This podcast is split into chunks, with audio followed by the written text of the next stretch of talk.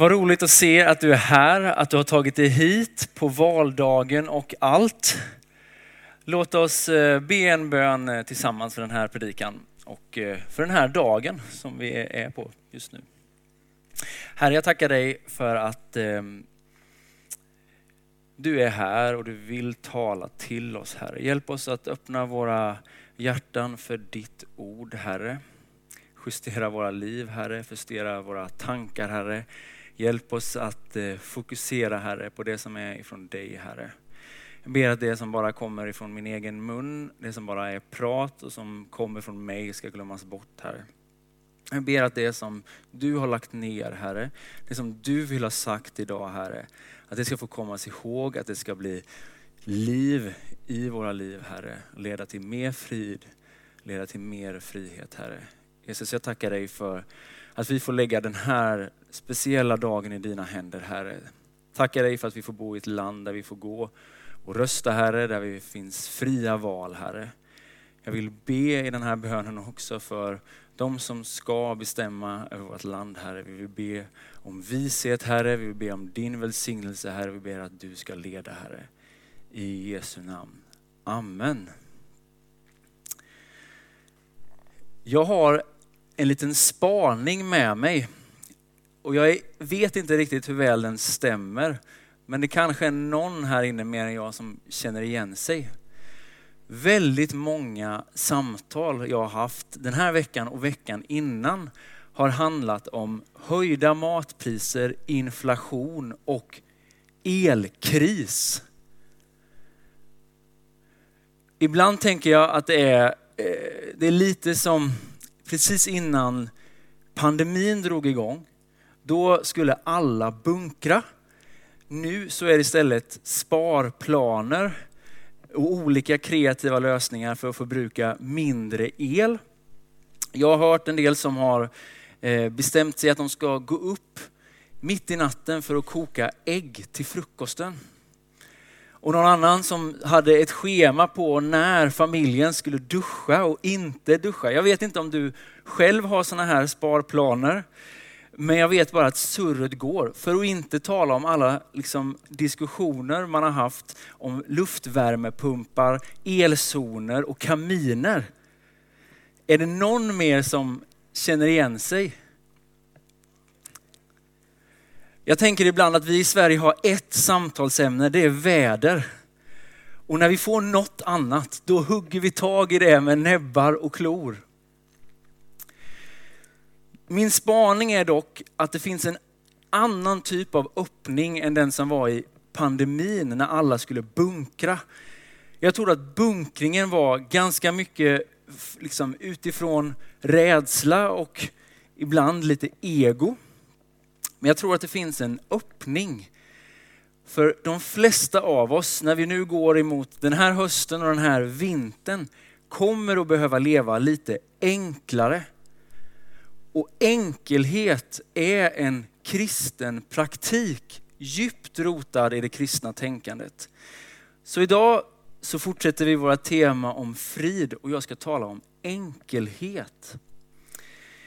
I Predikaren 7 och vers 30, bibelordet kommer inte på skärmen, men där står det att Gud skapade människan enkel och rak. Och sen hittade hon på en massa konster.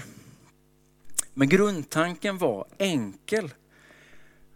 Vi ska inte glömma att Jesus var en enkel man. Han föddes under väldigt, väldigt enkla förhållanden. Han arbetade med sina händer de större delen av sitt liv. Och när Paulus ska liksom beskriva honom och sammanfatta Jesus så säger han att han vakade inte över sin jämlikhet med Gud utan antogs en tjänares gestalt och blev som en av oss. Så jag skulle vilja uppmuntra dig att tänka till kring enkelhet. För jag tror att enkelhet kan vara en väg till mer frid och till mer frihet. Och jag skulle vilja utmana dig att fundera över det här den här hösten. När vi går emot den här vargavintern så kan, det få, kan du få göra det eh, med en kristen praktik, nämligen enkelheten. Så vad är enkelheten? Vi får ju en massa olika bilder i huvudet. En del tänker typ på skandinavisk eh, design. Andra tänker på Maria Kondo som håller på och sorterar olika saker. Eh, vad är egentligen kristen enkelhet? Nej, men det är inte eh, en inredningsdesign. Det handlar inte om att organisera din eh, garderob i olika färger, utan enkelhet handlar om att få rätt perspektiv på ägodelar. Och kanske är det enklast att beskriva detta med att prata om vad enkelhet inte är. För det är ganska lätt att det blir avarter av detta och jag ska beskriva två stycken avarter. Den första avarten kallas asketism eller askes, nämligen det totala avsägandet av ägodelar. Låt mig nu vara riktigt tydlig och säga att detta är inte en kristen praktik. Askes kommer ifrån ett gnostiskt tänkande där det andliga är gott och det fysiska är dåligt. Det har inte något utrymme för Guds goda nådefulla gåvor och därmed inget utrymme för en god Gud. Asketismen slänger bort saker. Den andra avarten som mycket mer är vårt vatten, det vi simmar är ju materialism. Om asketismen stänger bort så håller materialismen ett krampaktigt tag om sina ägodelar. Här är melodin.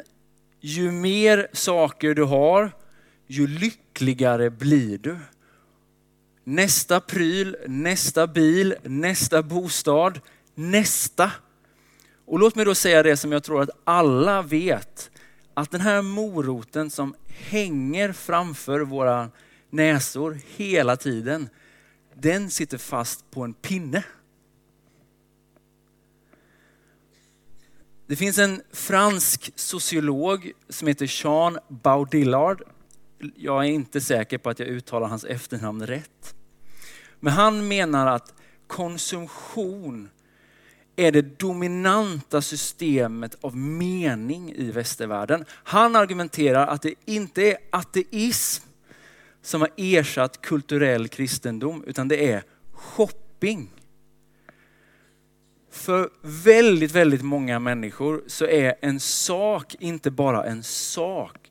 Det är en identitet och det är någonting som ger mig identitet. Och allting som vi ger det tillträde till att definiera oss, att ge oss vår identitet, kommer vi i slutändan att tillbe.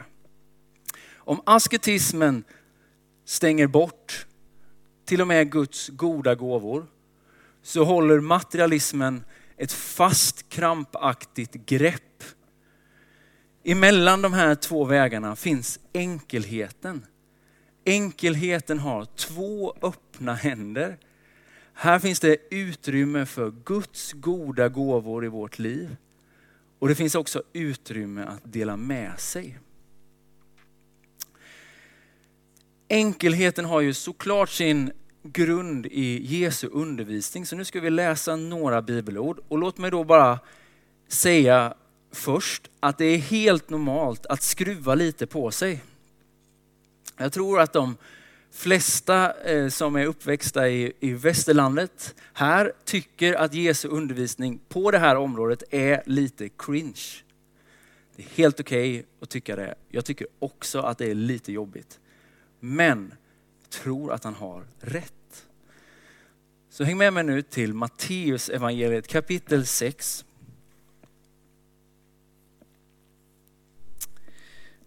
Och vers 19. Vi ska läsa ett stycke framåt eh, och jag delar upp det lite.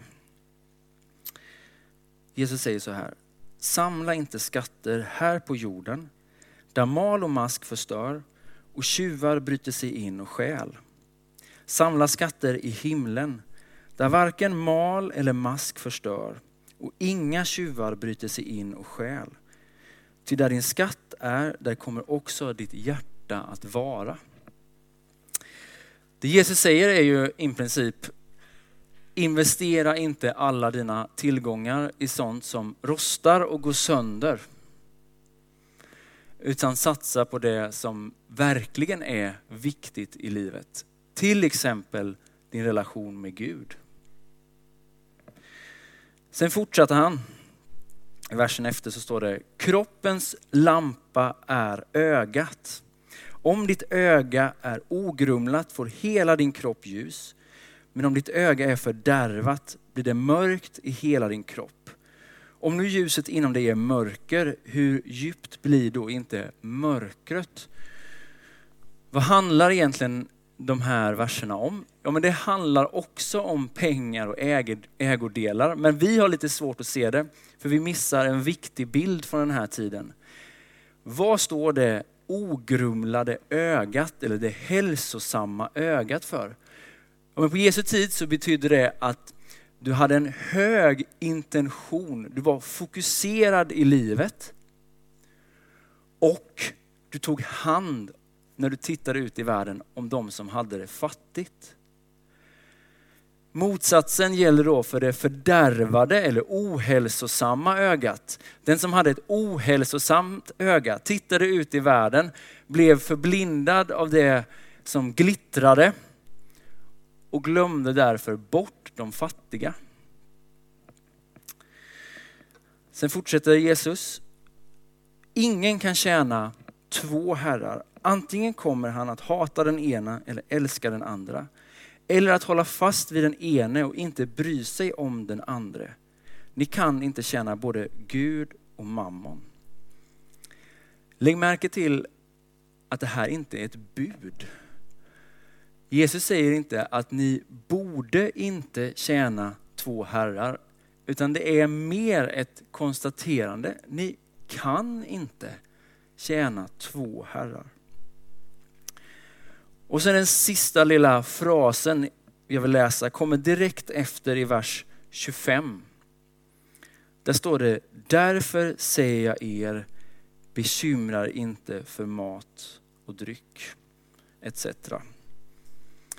Det här lilla ordet därför, det binder ihop i Jesu undervisning ett stycke om pengar och ägodelar och ett långt stycke om bekymmer och oro. Och det tänker jag är väldigt viktigt. För det är ju på något sätt essensen av vad Jesus vill säga. Att det här har med vår förmåga att bekymra oss och oroa oss. Tänk om det är så att Jesus faktiskt har rätt. Att mer saker inte är lika med mer lycka. Att mer saker faktiskt kan betyda mer stress. Att mer saker faktiskt kan betyda mindre av det som verkligen är viktigt i livet. Enkelhet handlar inte om en inredningsstil, det handlar inte om hur du organiserar dina saker hemma. Om du behöver organisera dem så är det en stor chans att du redan har för många.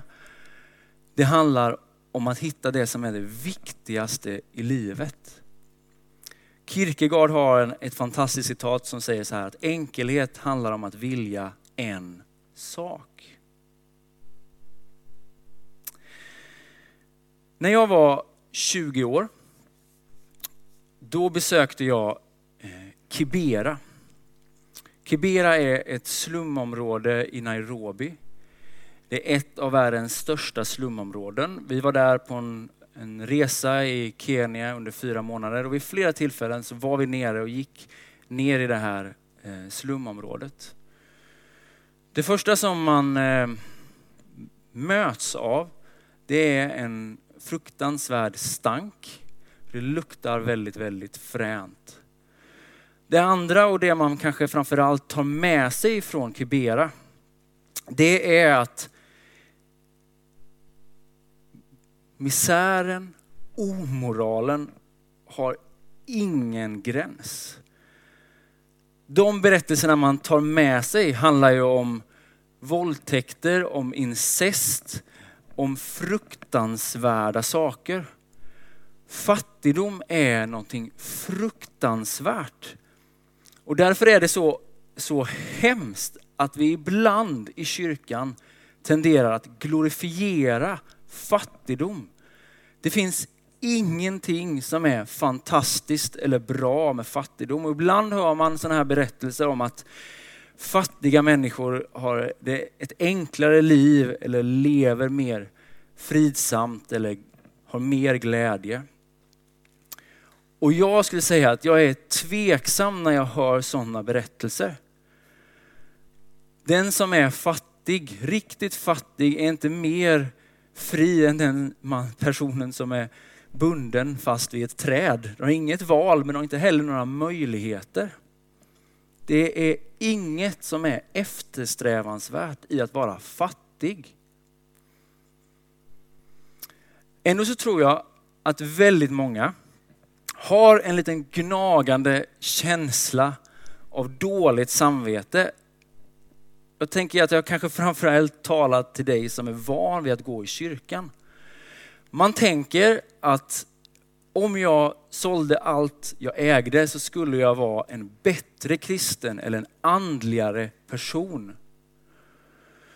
Vi har en tendens ibland att glorifiera fattigdom, men fattigdom är ingenting som är värt att sträva efter.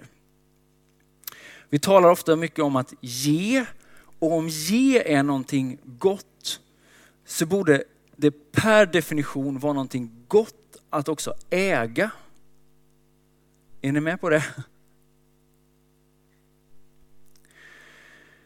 Jag tror att det finns väldigt mycket missförstånd kring de här bitarna. En av anledningarna är att man har läst en del saker i Bibeln som man kanske inte riktigt förstår. Kanske är det så att du har läst salighetsprisningarna i Lukas evangeliet där det står ve er rika och saliga ni fattiga. Vad är det Jesus gör här? Ja, men han går ju emot en av sin egna, egen tids sanningar.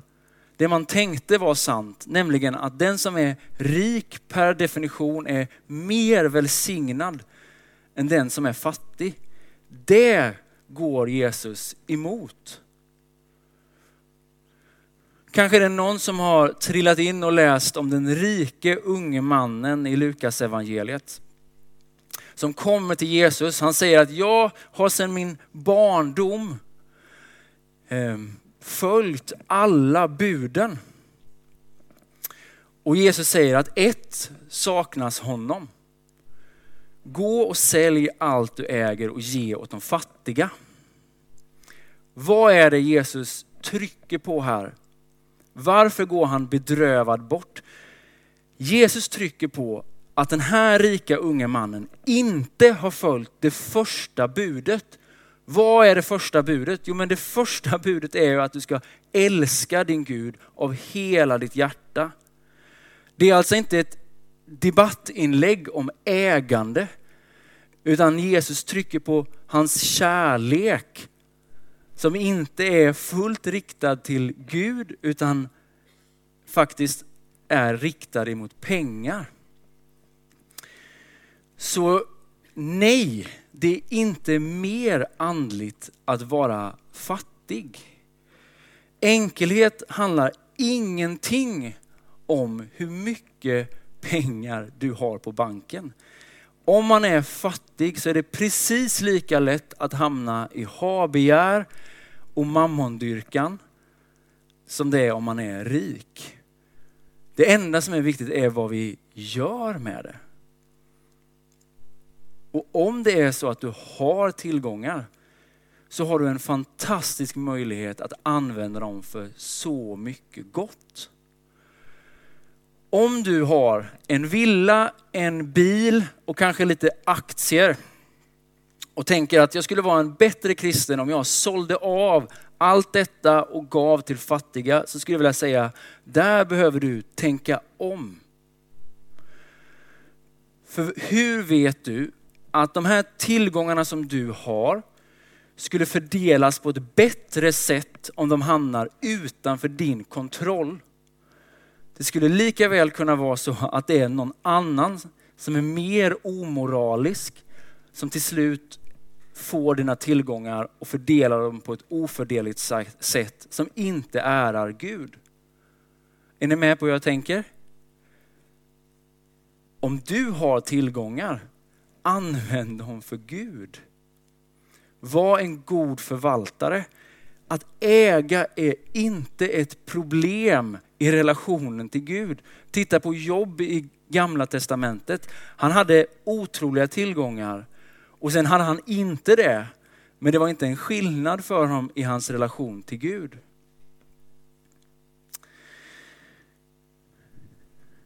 Enkelhet handlar inte om hur mycket eller hur lite pengar du har på banken. Utan handlar om hur vi organiserar våra liv. Vad det är vi gör till det viktigaste i våra liv. För ett och ett halvt år sedan, är ni fortfarande med mig? Ni ser lite... När ska han sluta prata om pengar? Jag ska fortsätta lite till. För ett och ett halvt år sedan så eh, höll vi fortfarande på med vår renovering hemma. Vi gör det lite fortfarande men det är inga jättestora grejer kvar. Men just då så hade den här renoveringsbudgeten tagit slut och vi hade fortfarande två stycken eh, stora behov kvar. Eller stora behov, det var behov eh, som behövde fyllas och vi hade inte pengar till att göra detta. Det ena var att vi behövde en terrassmarkis och det andra var att vi behövde en altandörr. Jag är helt med på att vi hade klarat oss utan terrassmarkisen, men den är, jag är väldigt glad för den. Eh, men altandörren var verkligen ett behov och det var en post vi inte hade möjlighet att betala just då. Så var det en lördag. Eh, det kom upp en annons på Blocket tidigt på morgonen och jag var väldigt snabb på en terrassmarkis. Jag skrev att vi kommer och hämtar den direkt för den var billig. Och vi hyrde ett släp och körde söder om stan. När vi kom dit så öppnar eh, en reporter på TV4, en ekonomireporter, bara det är en sån grej. Och så visar han den här terrassmarkisen och den var jättefin. Vi tog den och lastade den på släpet. Och så säger han, men du, är det inte så att du behöver en altandörr? Och då ska ni veta att jag redan hade skrivit en tiopunktslista på exakt hur jag ville ha den här altandörren. Den skulle nämligen vara helglasad, den skulle vara isolerad, den skulle vara vänsterhängd, den skulle kunna öppnas utåt. Den skulle vara 70 gånger 2 meter. Så när han säger, jag har en altandörr, så tänker jag, ja visst, du har en altandörr, men du har inte min altandörr. Så går vi in i hans garage och däremot en vägg så står det en helglasad, isolerad, vänsterhängd altandörr som öppnas utåt. Och han vill ha 1500 kronor för den. Dagen efter så monterar vi den här altandörren hemma, jag och en kompis. Och vi tackar Gud för att han har gett oss en altandörr. Jag berättar inte den här storyn för att säga att jag är mer välsignad än någon annan. Bara det enkla faktumet, den sanningen som jag vill att du ska få med dig idag. Att Gud vet vad du och jag behöver. Vi behöver inte oroa oss, vi behöver inte bekymra oss. För vi har en Gud som vet precis vad du och jag behöver. Och jag tror på riktigt att när vi går in i den här hösten så står vi inför ett vägval. Vi kan välja att knyta våra händer om våra tillgångar. Vi kan välja snålheten, girigheten och oron och låta den ta över hela vårt vara den här hösten. Vi skulle också kunna välja enkelheten. Att öppna våra händer, tacka Gud för det han har gett oss redan. Tacka Gud för att han är god, för att han vet vad vi behöver. Låta han få vara den som sätter vår identitet. Öppna våra händer och dela med oss till de som behöver det. Den ena vägen är en väg till mer oro och mer bekymmer. den här vägen är en väg till mer frid. Jag har haft en psalm med mig den här veckan som jag har läst, jag vet inte hur många gånger. Så jag kan inte undgå tanken att det kanske är till någon. Det är psalm 121. Jag ser upp emot bergen. Varifrån ska jag få hjälp? Hjälpen kommer ifrån Herren som har skapat himmel och jord. Han låter inte din fot slinta. Han vakar ständigt över dina steg. Han sover aldrig, han vakar ständigt. Han som beskyddar Israel. Herren bevarar dig. I hans skugga får du vandra. Han går vid din sida.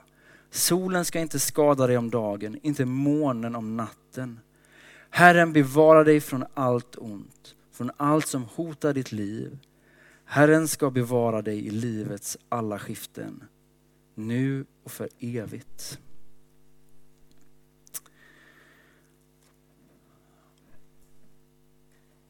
Om vi motar bort allt det som är gott och som är ifrån Gud så kan vi inte se hans godhet. Om vi krampaktigt håller fast vid våra ägodelar så kan vi inte heller ge honom utrymmet att berätta för oss att han har kontrollen. Att han har omsorg om våra liv. Det är något jag ber att du skulle få uppleva det här året som ligger framför. Vi ber. Herre, jag tackar dig för att du är en god Gud, Herre.